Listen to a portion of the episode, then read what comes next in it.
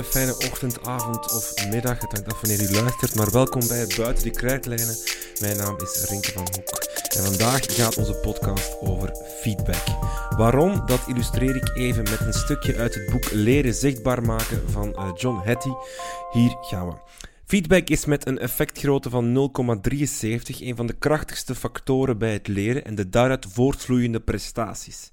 Het minder goede nieuws is dat de verschillen in effectiviteit van feedback enorm groot zijn. Bepaalde vormen van feedback zijn effectiever dan andere. Kortom wil dit zeggen dat feedback dus heel effectief kan zijn als je het juist en goed toepast. Maar hoe pas je dat nu juist toe? Wat is goede feedback en wat is slechte? En in theorie is het allemaal gemakkelijk gezegd, maar welke concrete hulpmiddelen of tips zijn er nu om feedback correct en effectief in te zetten? Karen van de Kruis is leerkracht Nederlands-Engels in het Groenendaal College in Merksem en ging zich doorheen de jaren verdiepen in het fenomeen feedback.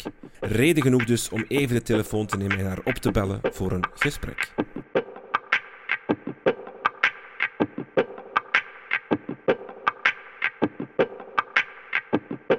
Dag Karen van de Kruis. Um, jij bent leerkracht Nederlands-Engels uh, en we gaan het hebben over uh, feedback.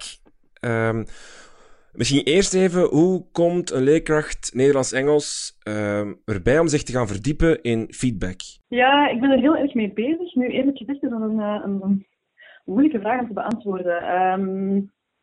Misschien omdat ik, uh, ik geef weliswaar nu in Nederlands en Engels, maar uh, tot een uh, jaar of vier geleden gaf ik eigenlijk Russisch aan de KU Leuven.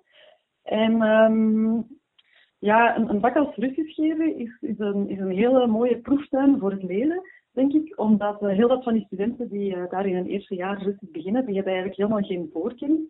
En, um, en dus is dat eigenlijk een, een hele, als, als, als leerkracht, als docent, uh, een, heel een heel interessante omgeving om eigenlijk te gaan kijken van ja, wat reik je leerlingen aan, wat doen ze ermee, uh, welk effect heeft dat allemaal.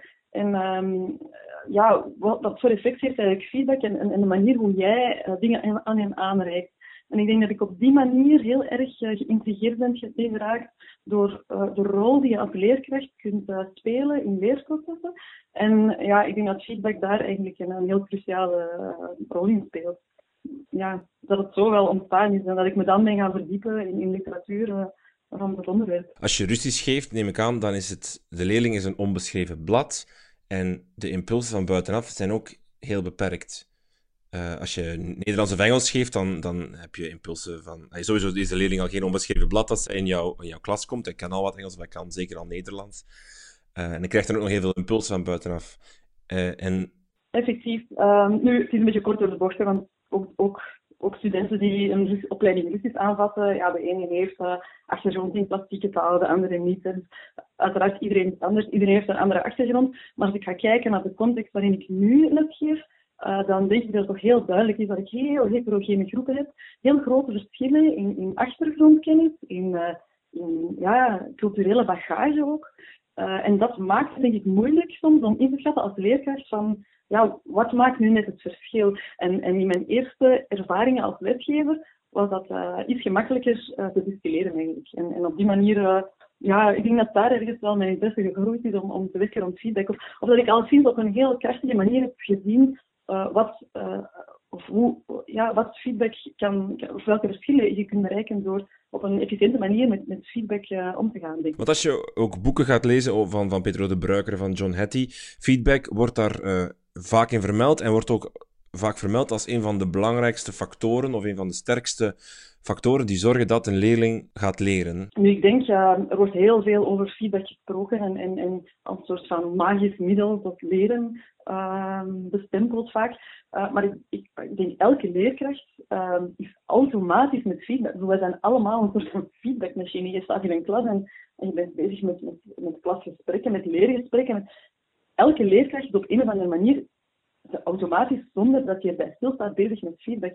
En, en ik denk dat het gewoon een soort van proces is dat je kunt gaan optimaliseren. Dat je um, gerichter kunt gaan inzetten door er bewuster misschien mee om te gaan.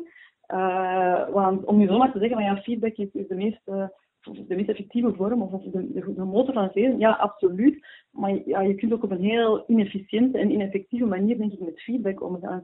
Um, ja, ik hoor wel vaker, uh, als ik het zelf heb over, over, feedback, is een van de eerste reacties die ik vaak krijg van ja, maar het is zo arbeidsintensief en, en als we veel bij taken of, of, of commentaar daarbij schrijven, leerlingen doen er niks mee. Uh, dus we zijn wel feedback aan het geven, maar, maar het heeft eigenlijk geen effect. Uh, dat hoor je ook wel heel vaak. En, en, en dan is het een kwestie om, om dat systeem te gaan omdenken, om, om te gaan kijken van hoe kan ik er nu voor zorgen dat die, dat die feedback dat die wel effectief wordt. Hè? Dat ik de, de tijdsinvestering die ik maak, dat, dat die zinvol wordt. Uh, en ik denk misschien dat dat iets is waar ik zelf heel erg op gebrand ben. Als ik zelf een inspanning lever, dan wil ik ook graag dat die rendeert. Uh, misschien eerst even naar de, de kern. Want wat is feedback? Is feedback eigenlijk als we het gewoon het woord dan zouden willen benoemen of zo, hè, maar is dat dan gewoon puur alles wat, wat je terugzegt naar een leerling um, om, om, om, om zijn werk, zijn taak, zijn, zijn, zijn uh, leren beter te maken? Ja, het, het, is veel meer dan dat, denk ik ook nog. uit. Als ik feedback zou moeten in één zinnetje omschrijven, dan, uh, dan denk ik dat ik zou komen tot, uh, tot iets als feedback is die informatie die je als die de leerling, maar ook de leerkracht uh, krijgt uh, over de prestaties van de leerling. Uh, dus het is niet alleen de informatie die de leerling van de leerkracht krijgt, maar ook de informatie die de leerkracht van de leerling krijgt. Waar staat mijn leerling? Bijvoorbeeld een toets aan is feedback van de leerling naar de leerkracht toe. Is, is dat een voorbeeld van, van zoiets? Ja, ja, um, ik heb heel recent nog een, artikel gelezen van Dylan William over, over formatieve evaluatie. Ja, natuurlijk, feedback is een of de vorm bij uitstek om aan formatieve evaluatie te doen.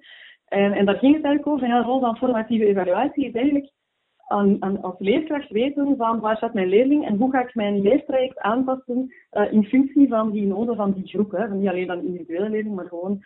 Uh, dus een toets is inderdaad ook voor, voor, een, voor een leerkracht een heel belangrijke informatiebron. Niet alleen voor de leerling, maar ook voor de leerkracht. Dat is een beetje een spiegel ook wel. Je kan feedback geven over de inhoud, neem ik aan, um, um, het, het, leerproces. En dan kwam ik iets tegen als zelfregulatie. Daar kan je ook feedback op geven. Kan je daar iets, iets over vertellen? Over, over hoe, dat, hoe dat, dat, wat we daaronder moeten verstaan?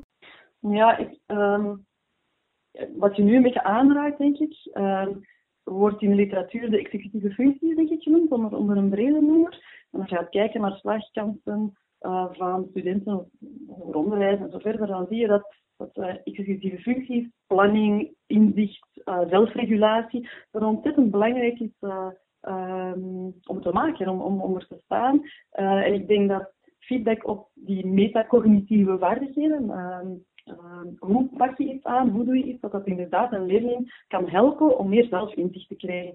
Maar dat is natuurlijk een kwestie van training. Hè. Dat is, niet wat, wat van dag 1 op dag 2 denk ik gebeurt. Want dat gaat dan eigenlijk over leerlingen leren, of, of dat ze het zelf leren, zichzelf inschatten. Ja, dat dat iets is dat elke leerkracht wel kent. Dat, uh, dat er leerlingen zijn die zichzelf heel moeilijk uh, kunnen inschatten. En, um, ja, waar ik net had over de spiegel, de test die de spiegel is voor de leerkracht, ja, is feedback voor een leerling ook een spiegel. Maar je, maar je moet de leerling leren voor de spiegel staan en, en leren kijken naar ja, wat staat daar nu en wat betekent dat nu concreet, um, denk ik. En dat is zeker met uh, jonge mensen, met pubers, met tieners, uh, niet altijd even evident, want in de spiegel kijken is soms best confronterend en dat is iets wat we uh, heel graag proberen te ontwijken natuurlijk. Je kan ook feedback geven over de persoon zelf, maar dat blijkt niet zo heel goed te zijn. Hè? Dat is... Dat is um vaak zelfs een negatief effect op, op het uh, leren. Ja, um, probeer zelf ook altijd vanuit de ik-vorm uh, feedback te geven. Omdat het um, uh, minder bedreigend overkomt, denk ik.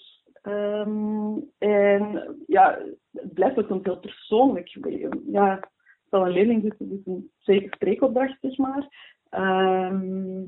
dan ja, de feedback die ik geef, die, die komt vanuit mijn persoon een stuk. En dus probeer ik dat ook wel vanuit, vanuit mezelf te vertrekken. En uh, ja, zo weinig mogelijk te vertrekken vanuit het jij-perspectief eigenlijk.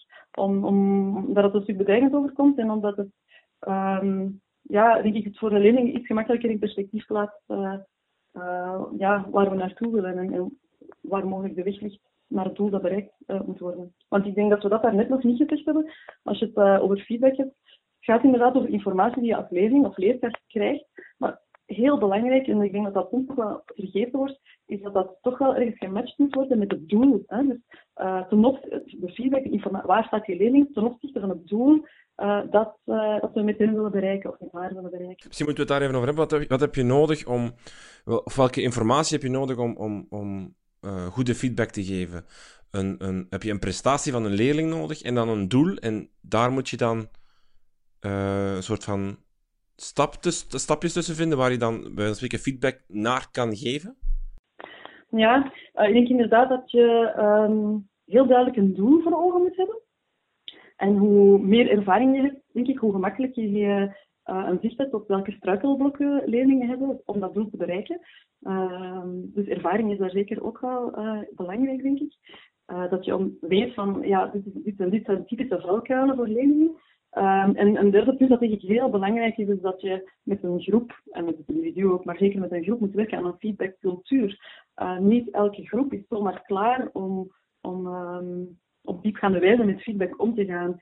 Um, en dat moet je een groep, denk ik, ook wel aanleren. Ik las ook bijvoorbeeld in, het boek van, van John Hattie dat je best ook, want dat wij vaak als leerkrachten, of dat leerkrachten vaak uh, feedback geven over uh, het moment zelf. Hè. Bijvoorbeeld, jouw spreekopdracht was, dat was niet goed, dat was niet goed, dat was niet goed.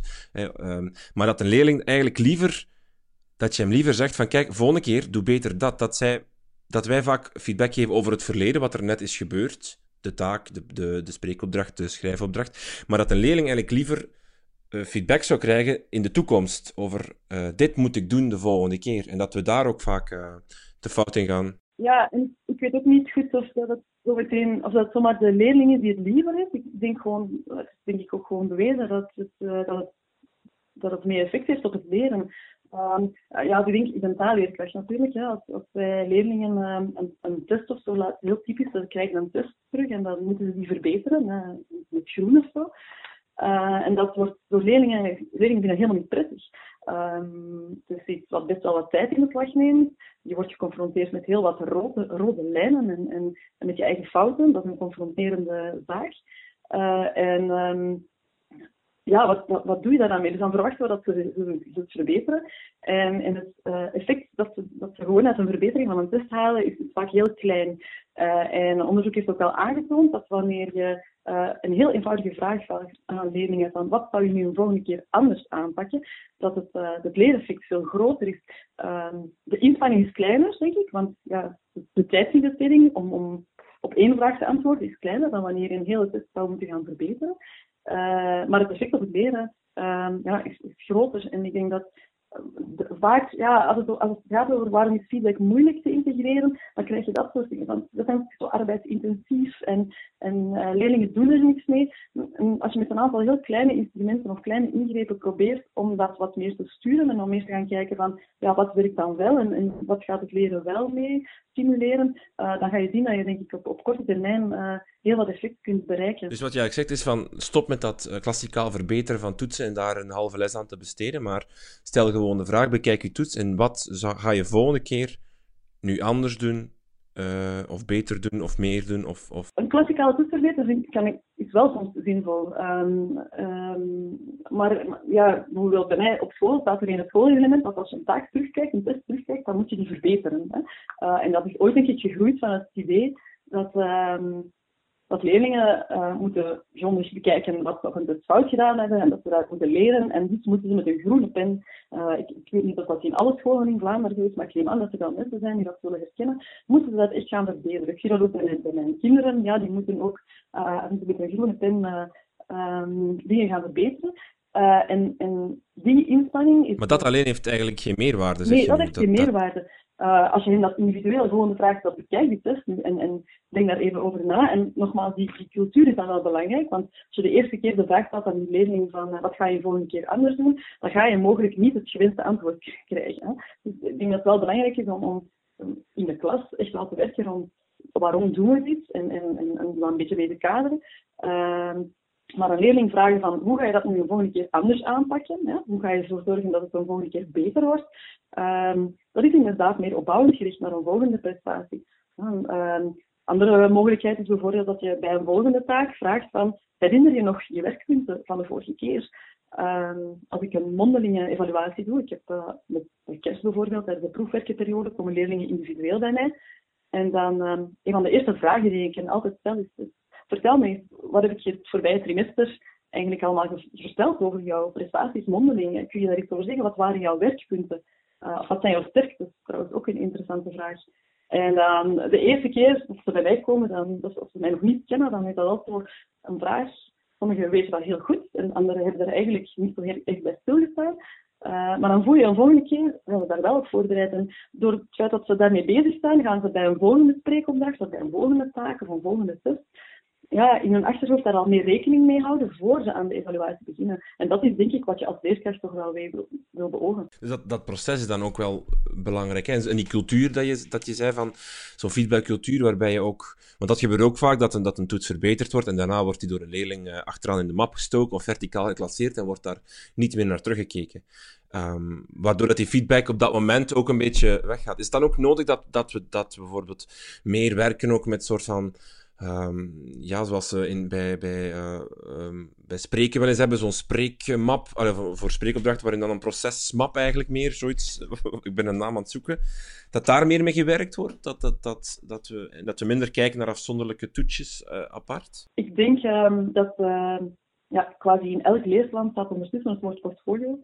Uh, en ik denk dat dat een beetje is wat je, waar, je, waar je op doelt. Um, dat leerlingen hun werk verzamelen, dat we inderdaad een soort van overzicht krijgen van werkpunten en sterktes waar ze af en toe terug naar kunnen kijken. Uh, in mijn ogen is de werkvorm zelf um, ondergeschikt aan het doel. Het doel is dat, we op een of andere manier ervoor moeten zorgen dat we onze, lesgeven zo moeten organiseren dat die leerling quasi verplicht wordt om daarover na te denken. En dat kan via een portfolio, maar dat kan ook op heel, heel andere manieren. Het kan misschien toch gewoon zijn door testen achteraan in een mapje te steken en misschien gewoon op een of andere manier te vragen, um, een vraag te stellen of, of, of ja, daar op een andere manier mee bezig te zijn. Ik vind het soms moeilijk om, om op een dwingende manier te spreken over één bepaalde werkvorm, zoals portfolio of ja, een, een omdat het uiteindelijk gaat om, om een hele structuur die je opbouwt met een groep binnen een school, um, waarin je eigenlijk met die leerlingen aan de slag gaat en waarin je hen misschien de, verantwoord, de verantwoordingsplicht mee oplegt van, om, om, om ja, dat leren zelf een stukje mee in handen te nemen. En in sommige groepen is dat heel moeilijk. Uh, ik merk zelf dat dat in de ene groep gemakkelijker is dan in de andere groep. En is daar, een, is daar een reden voor? Kan je die dan op dat moment benoemen waarom dat de ene groep meer, meer, meer, aan, meer heeft aan feedback en de andere um, daar minder wakker van ligt? Of, of? Ja, ik, ik, denk niet zozeer dat uh, de ene groep meer heeft aan feedback dan de andere.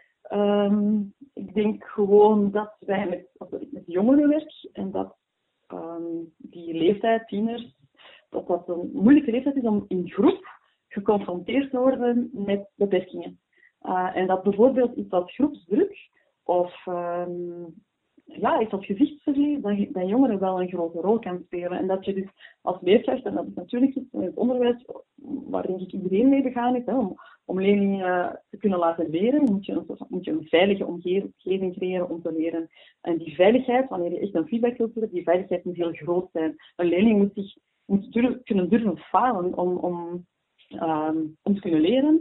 Um, en eigenlijk is ons onderwijssysteem ja, daar niet altijd helemaal um, ja, is, dat niet, is niet helemaal geschikt voor om, om zo'n cultuur in, in, in te nestelen. Um, wij zitten heel vaak, of heel veel scholen zitten in een puntensysteem. Ik werk zelfs ook in een school met een puntensysteem. En dan zie je op het moment dat er echt punten gegeven moeten worden, ja, dat, uh, dat leerlingen kiezen voor de punten en niet altijd voor de, voor de bergheid van de feedback of, voor de kwetsbaarheid uh, waar ze zich zouden kunnen voor blootstellen.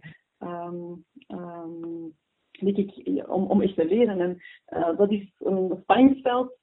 Het, idee van punten versus geen punten. Uh, ik werk in een puntencultuur. Mijn school heeft een puntencultuur en leerlingen zijn daar gevoelig aan.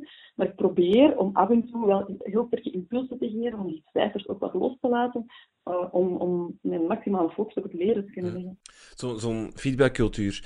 Um, helpt het ook als leerlingen bijvoorbeeld elkaar dan uh, feedback geven? Um, dat, dat niet alleen de leerkracht is die feedback geeft op leerlingen, um, maar dat ook leerlingen elkaar feedback geven. En is dat ook sterker dan bijvoorbeeld een leerkracht die dan feedback geeft? Ja, als we straks hadden over een, een, definitie van feedback, dan zit daar zeker de informatie in van de leerling, uh, die de leerling krijgt, die de leerkracht krijgt, over de positie van de leerling. Maar de leerling kan die ook van zijn medeleerlingen krijgen. Um, en peer feedback is, een manier um, om, um, om leerlingen uh, indie te geven in hun leerproces. Uh, het is misschien niet de gemakkelijkste vorm van feedback geven. Uh, ik denk ook wel dat, iedereen die het al een keer geprobeerd heeft, in een situatie gestaan heeft waar leerlingen uh, ja, elkaar allemaal goede beoordelingen geven, ook al dat misschien niet zo wonderlijk goed. maar dat ze eigenlijk ja, een soort van omgeving creëren, dat ze niet te kritisch voor elkaar willen zijn, dat ze elkaar goede, zeker als er een cijfer tegenover staat, dat ze eigenlijk um, liefst van elkaar allemaal goede punten zouden geven. en dat is ja, de diepgang in de feedback, de diepgang bij peer feedback uh, soms dat op de achtergrond blijft. Dus het is in mijn ogen zeker niet de gemakkelijkste uh, manier um, uh, om met feedback om te gaan. Maar het is wel heel leerrijk, omdat als je met peer feedback wil werken, moet je leerlingen ook leren, aanleren hoe ze goed feedback geven. Een kader geven dan? Een soort van... Dat, dat, dat ook voor degene die de feedback geeft dan de doelen duidelijk zijn, dat, dat die bij wijze van spreken een aantal feedback dingetjes kan bijna plukken of, kiezen van... Ik, denk dat de, de, het aanleren van feedback geven eigenlijk uh, twee, dat er twee verschillende kanten aan zijn. Dat is enerzijds gewoon echt de vorm waarin ze feedback geven. Ik probeer mijn leerlingen aan te reiken van kijk, geeft best feedback vanuit de ik-vorm. Ja? Net omwille van, zeker bij medeleerlingen, dat die feedback niet te bedreigend overkomt. Dat ze niet zeggen, maar jij hebt dit of jij hebt dat gedaan. ja, leerlingen onderling, dat kan ook nogal wel verschillend overkomen. Dus uh, betrekken vanuit de ik-vorm feedback beperken in hoeveelheid. Um, ja, rekening houden met de veerkracht van de persoon die tegenover je staat waar je feedback aan geeft. Uh, dat zijn een aantal concrete tips rond de vorm uh, waar ik met hen rond werk. En dat is ook iets wat ja, enige tijd in beslag neemt, denk ik. Eer een leerling daar um, ja, goed mee overweg gaan. De ene is al wat sneller mee weg dan de andere. Uh, en anderzijds, en dat is denk ik ook een heel belangrijk punt, is dat je leerlingen inderdaad inhoudelijk heel duidelijk de criteria moet geven op basis waarvan die anderen moet gaan beoordelen. Soms denk ik dat peer of peer mag geen kennistoets worden. Hè. We, uh, we vragen aan leerlingen om een taak te maken of een, uh, een presentatie te doen of, of, een schrijfopdracht te maken. En dan vragen we aan medeleerlingen om daar uh, feedback op te geven. Ehm, en, en ja, het is heel belangrijk dat ze dan een richtlijn hebben. Niet alleen qua vorm voor feedback, maar ook gewoon inhoudelijk. Waar moet onze taak weer aan voldoen? Wat waren de, de stapjes waarop we moeten letten?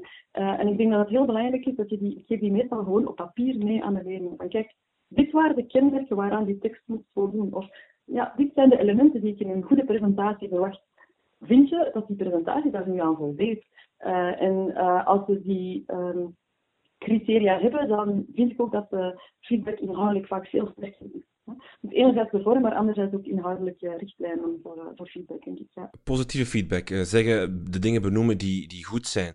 Eh, ik las ook dat, um, dat het vaak dat het beter is om het aantal positieve dingen die je zegt, dat die beter meer zijn of hoger zijn, of een aantal dan, dan het aantal negatieve of werkpunten die je geeft. Dat daar best zo een, een, een 3 tot 1 ratio in zit. Ik denk enerzijds dat we gewoon in een, eh, in een, schoolcultuur, in een cultuur leven waarin als je voor de eerste keer feedback vermeldt aan leerlingen, uh, voor hen is feedback het heel vaak gelijk aan kritiek. Trouwens, niet alleen voor leerlingen. Uh, als ik aan collega's feedback geef, dan wordt dat ook heel vaak gelijkgesteld aan kritiek. Uh, dus ik probeer ook wel, wanneer ik het met de leerlingen daarover heb, om dat veel breder te trekken. Um, feedback kan ook advies zijn. Feedback kan, kan een opmerking zijn, iets wat misschien niet zo dringend is, maar misschien toch wel aangepakt kan worden op een later moment. Uh, en, en, feedback kan ook gewoon los zijn. Een compliment geven kan inderdaad ook uh, feedback zijn. En ja, ik ben zelf iemand, ik probeer mij niet te snel aan de regel, zo'n drie op één verhouding hoor ik jou nu zeggen. Um, ik vind dat altijd heel gevaarlijk. Je hebt zo'n klassieke theorie, zo de sandwich-techniek, uh, dat je uh, een positieve en eigenlijk een negatieve opmerking verwerkt tussen twee positieve.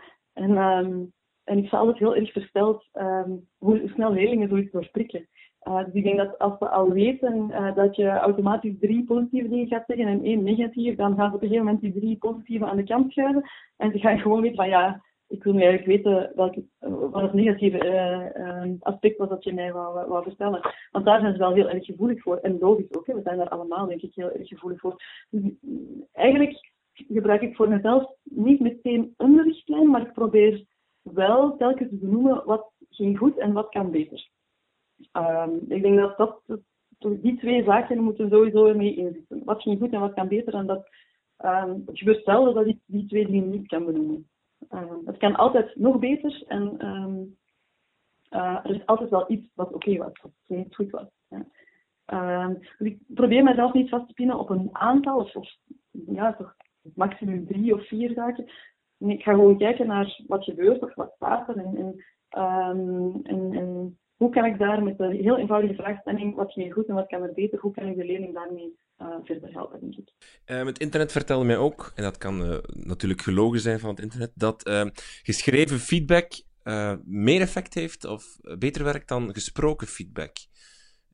is dat iets waar jij rekening mee houdt of, of, of mee werkt?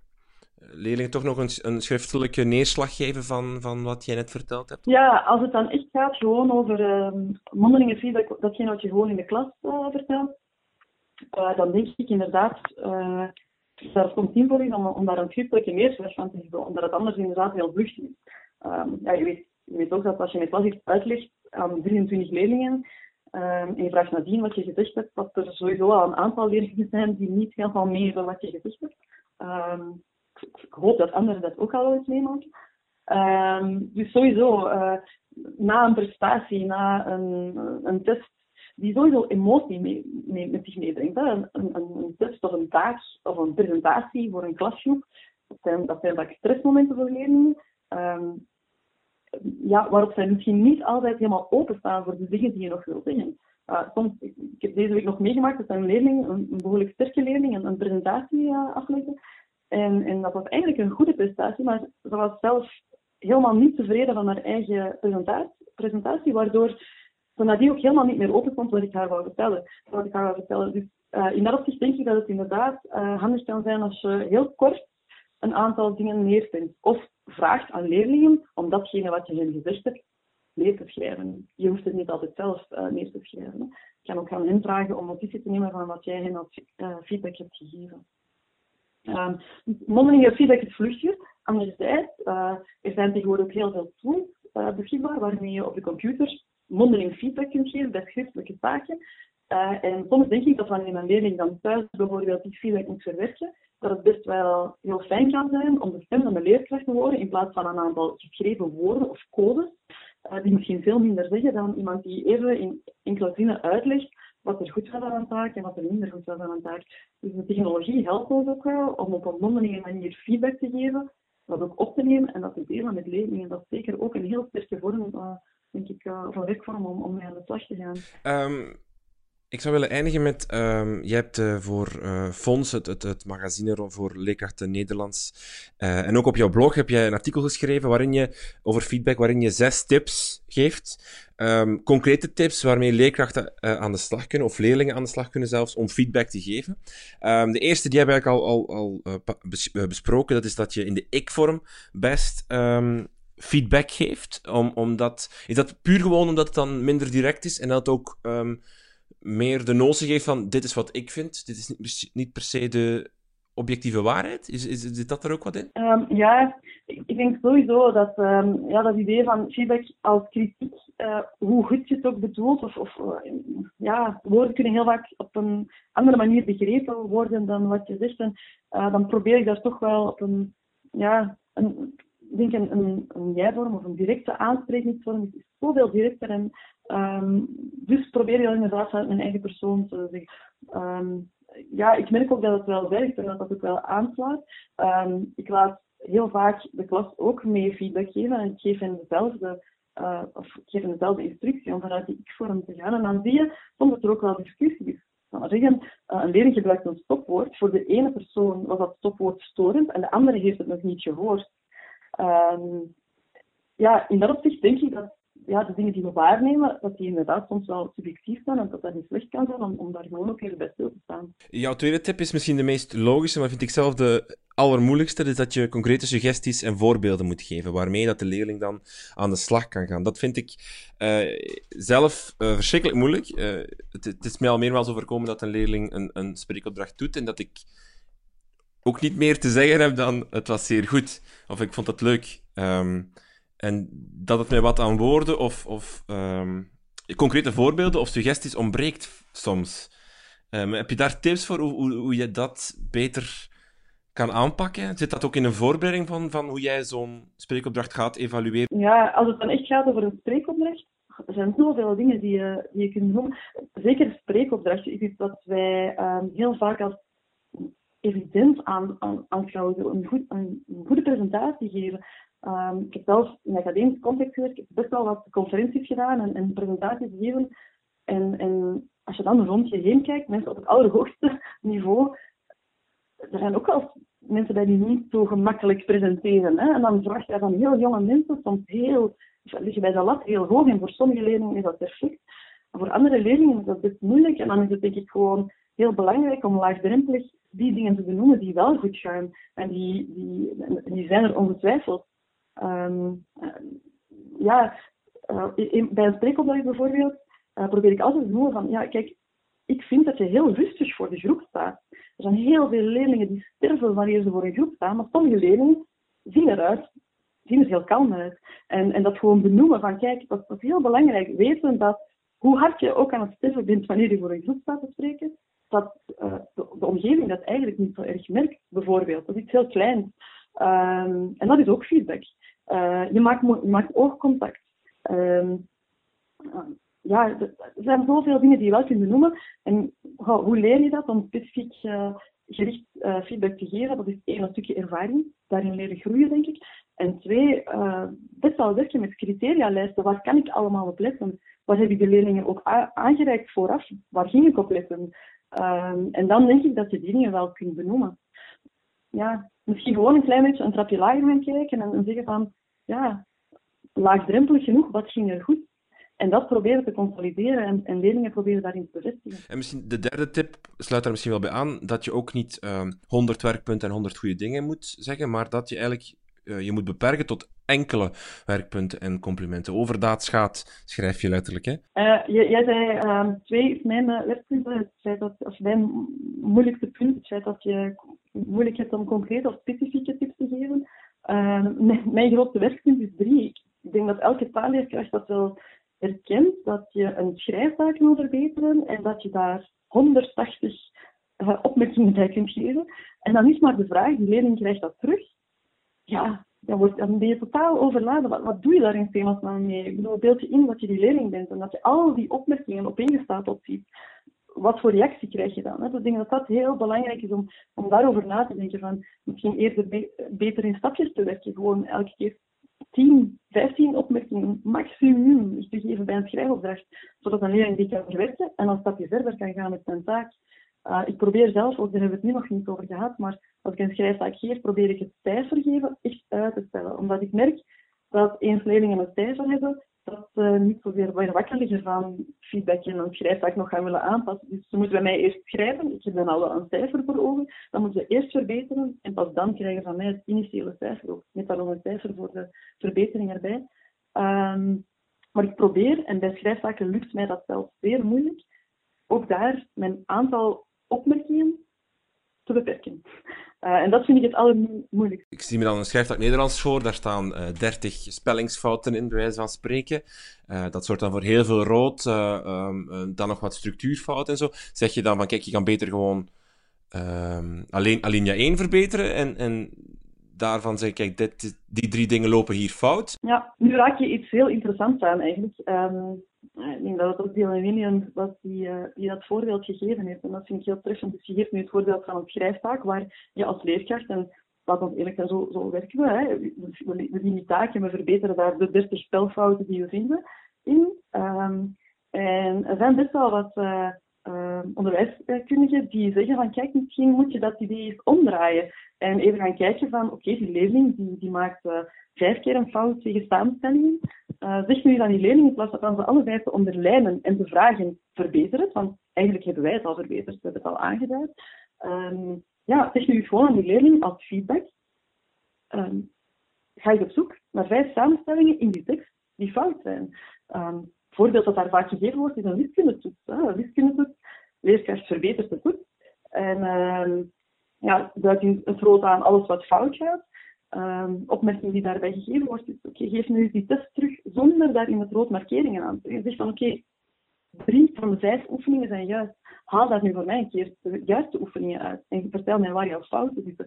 Uh, en dan zijn we weer aan het denken van waar, uh, waar zit grootste leermarge voor die leerling? Um, zit er echt een leermarge in het feit dat jij fouten aanduidt, dat jij die D-fouten aanduidt, en dat die leerling die als een soort van machine één voor één gaat verbeteren? Zit daar nog een leermarge in?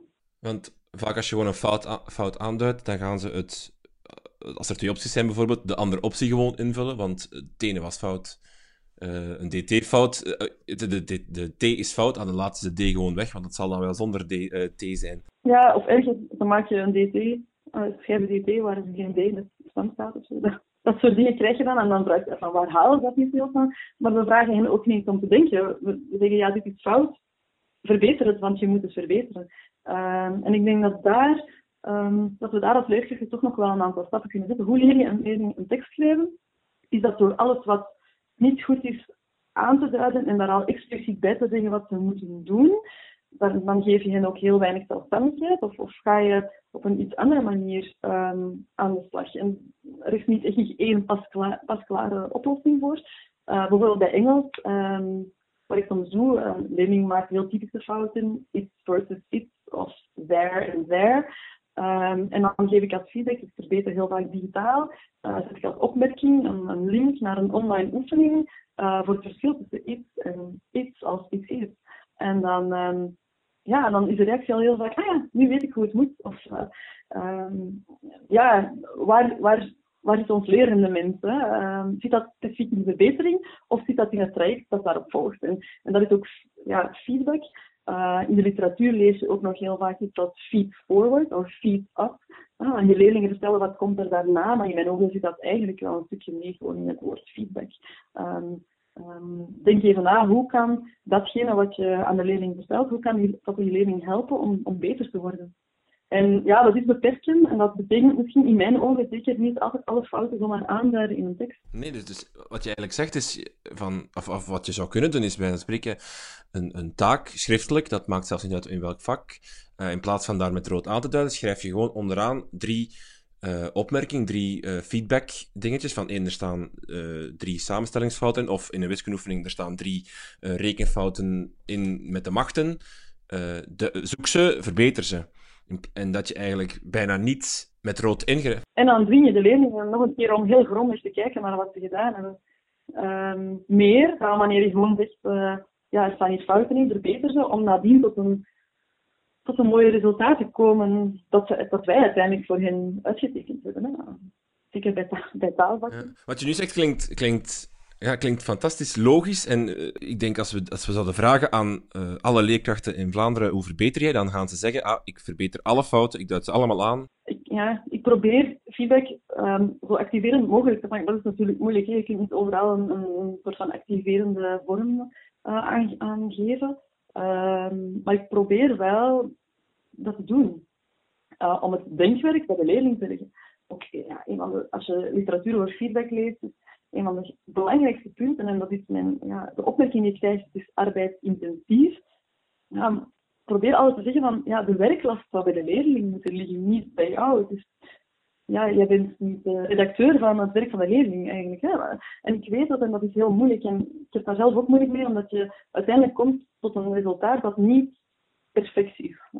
Um, want als je aan leerlingen vraagt om zelf dingen eruit te vissen, dan gaan ze nooit alles eruit halen. En uh, ja, helaas is er niet genoeg tijd in een dag om, om dat proces tien keer te doorlopen. Um, dus moet je, denk ik, durven loslaten. um, en ik probeer zoveel mogelijk schrijftaken eigenlijk tijdens de les uh, te organiseren ook wel. Um, dat ik dan ook iets meer controle heb over wie de pen vasthoudt. Um, en, en, en dan loop ik heel veel rond en dan ben ik constant met dat soort dingen bezig. ik zie een fout, ik zie een uh, staan. Ik zie Um, ja, ga er nog even terug naar kijken. Je leest die eerste alinea, want er staan een aantal woorden, er ontbreken een aantal woorden, die zinnen zijn niet helemaal correct. En ja, in mijn ogen um, stimuleert dat leerlingen om toch iets meer stil te staan bij datgene wat ze schrijven. Maar het is ook maar een manier, denk ik. Het is niet de manier. Ja, ik denk dat, we, uh, dat jij net uh, een revolutie ontketend hebt in de manier van evalueren van, van, van, van schrijftaken, denk ik. Ik denk dat we dat allemaal moeten gaan doen. misschien nog net tip 4, 5 en 6 er nog even doorjagen. Um, alleen feedback geven over elementen die belangrijk zijn en werkelijk veranderd kunnen worden. Is dat dan naar die doelen kijken en daar feedback over geven en niet over eventuele zijdoeletjes of extra elementen? Ja, het heeft met doelen te maken. Het heeft ook denk ik met persoonlijkheidskenmerken te maken. Um, met stapgewijs werken. Ja, um, de lat moet hoog. Ik ben, de lat ligt hoog. Um, maar om daar te geraken zitten daar een aantal stapjes tussen. Dus soms denk ik dat je gewoon eerst de, de laagste tree even moet bekijken en, en van daaruit verder moet werken en nog niet te veel een leerling al belasten met die dingen die, die nog verder op dat traject komen. Soms willen we gewoon allemaal wat veel en dat is logisch, want wij zijn heel taalvaardige gebruikers en wij, wij zijn experts in wat wij doen. Maar het risico dat je loopt is dat die leerling volledig ja, cognitief overbelast geraakt en dat die gewoon afhaakt. Um, en ik denk dat je daar gewoon een stukje rekening moet houden uh, met dingen die werkelijk veranderd kunnen worden. Uh, en en dit, dit zijn ook de tips die ik aan leerlingen geef. En dat, uh, dat ik bijvoorbeeld, ja, iemand ehm, die uh, net zijn wijsheidsstanden heeft laten trekken. Het is heel normaal dat wanneer die praat voor een groep, dat dat, dat dat dus niet zo gemakkelijk gaat dan, dan iemand die dat niet heeft ondergaan. Hè. Ja, dat, het heeft geen zin om dat te gaan vermelden. En misschien ook wel voor leerlingen, geef alleen maar dingen die belangrijk zijn. En dit is heel belangrijk voor peer. En ik vermoed dat mensen dat ook wel gaan herkennen. Um, ja, je, bent, je bent al een keer met peer feedback bezig geweest. Leerlingen doen dat, doen dat niet helemaal zoals je dat wil. Dus je zegt, ja, nee, het, moet nu echt goed zijn. Je moet, echt, je moet drie puntjes opschrijven. En dan schrijf je bijvoorbeeld, uh, ja, ik, ik vond dat het... Uh, je volume was oké, bijvoorbeeld. Hè. Terwijl het een leerling is die eigenlijk altijd een, een mooi spreekvolume geeft. Um, ja, wat doet dat ertoe? Zo irrelevante opmerkingen maken is ook wel iets wat vaak in peer feedback zit, vind ik. En dat moet je echt bestrijden met je leerlingen. Datgene wat niet relevant is, hoeft daar niet te staan. Um, ja, en dat is een heel belangrijke om die peer feedback, om daar efficiëntie in te krijgen. Want anders dan, uh, dan loopt dat niet. En dan schrijven leerlingen maar dingen om jou blij te maken. Want jij, hebt, jij verwacht van hen dat ze drie dingen meer. Voilà, ze hebben drie dingen geschreven. Uh, de inhoud was goed voorbereid. Het volume was goed. En um, ja, weet ik veel nog. Dat, dat eigenlijk op dat moment er eigenlijk niet toe doet voor de leerling die daar staat. Um, en dat is leerlingen gericht doen, doen kijken. Ik denk als leerkracht dat we sowieso al een beetje door een bril kijken van wat is er relevant op dit moment en wat is die leerling. Dat sluit een beetje aan met tip 5 om alleen feedback te geven om je gesprekspartner of de, degene die de feedback krijgt uh, te helpen. Hè, dat, die, dus, dat, dat je relevante dingen zegt. En het laatste, hou rekening met de veerkracht van je gesprekspartner. Uh, is dat iets wat jij ook actief doet? Uh, leerlingen sparen die, waarvan je weet, die hebben het heel moeilijk met, met feedback of met... Ja, ik denk dat het niet zozeer over sparen gaat. Maar gewoon, je weet, sommige leerlingen kunnen wel meer aan en, en, en hebben ook iets meer nodig. Um, van iets, sommige hebben iets directere formulering nodig om echt in gang te schieten of om daar iets mee te doen. En wat ik zelf heel belangrijk vind, en dat is misschien eerder dan veerkracht, weerbaarheid. Um, in mijn ogen heel belangrijk aan feedback is dat, uh, dat, het, geen wetten zijn. Uh, als ik feedback geef, dan probeer ik, of als ik ja, met mijn klassen in een feedbackcultuur werk, dan hoop ik dat ik mijn leerlingen de tools aanreik om te zeggen, ah, mevrouw heeft hier gezegd dat ik die inleiding beter herschrijven, dat ik daar dit beter mee doe, maar ik heb daar al over nagedacht en om die en die reden ga ik dat toch niet doen. En dan denk ik, oké, nu heb ik mijn doel bereikt, want die leerling heeft nagedacht over waar hij mee bezig is. Uh, die heeft mijn feedback gelezen, die heeft dat gewogen ten opzichte van wat er lag. En die heeft een beslissing genomen. En, en ook dat is ja, um, een stukje weerbaarheid en veerkracht daar ook in. Niet zomaar feedback geven en dat bij de leerling leggen. En, en um, ja, verwachten dat, dat er ook een vorm van um, verwerking is bij die leerling. En, en, dat dat mag gerust zijn in, in het naast je neerleggen van de, van de feedback bij mij. Fantastisch, ik vond het razend interessant. Karen van de Kruis, heel veel dank. Heel graag gedaan. Dit was het dan weer voor deze aflevering van Buiten de Krijtlijnen. Meer info over feedback vind je op de blog van Karen van de Kruis, www.delenderwijs.net. En voor meer info of als je een beetje feedback wilt geven op deze podcast, kan je terecht op www.dekrijtlijnen.be. Twitter kan je ons volgen met, uh, via @dekrijtlijnen of ook op Facebook. Tot de volgende.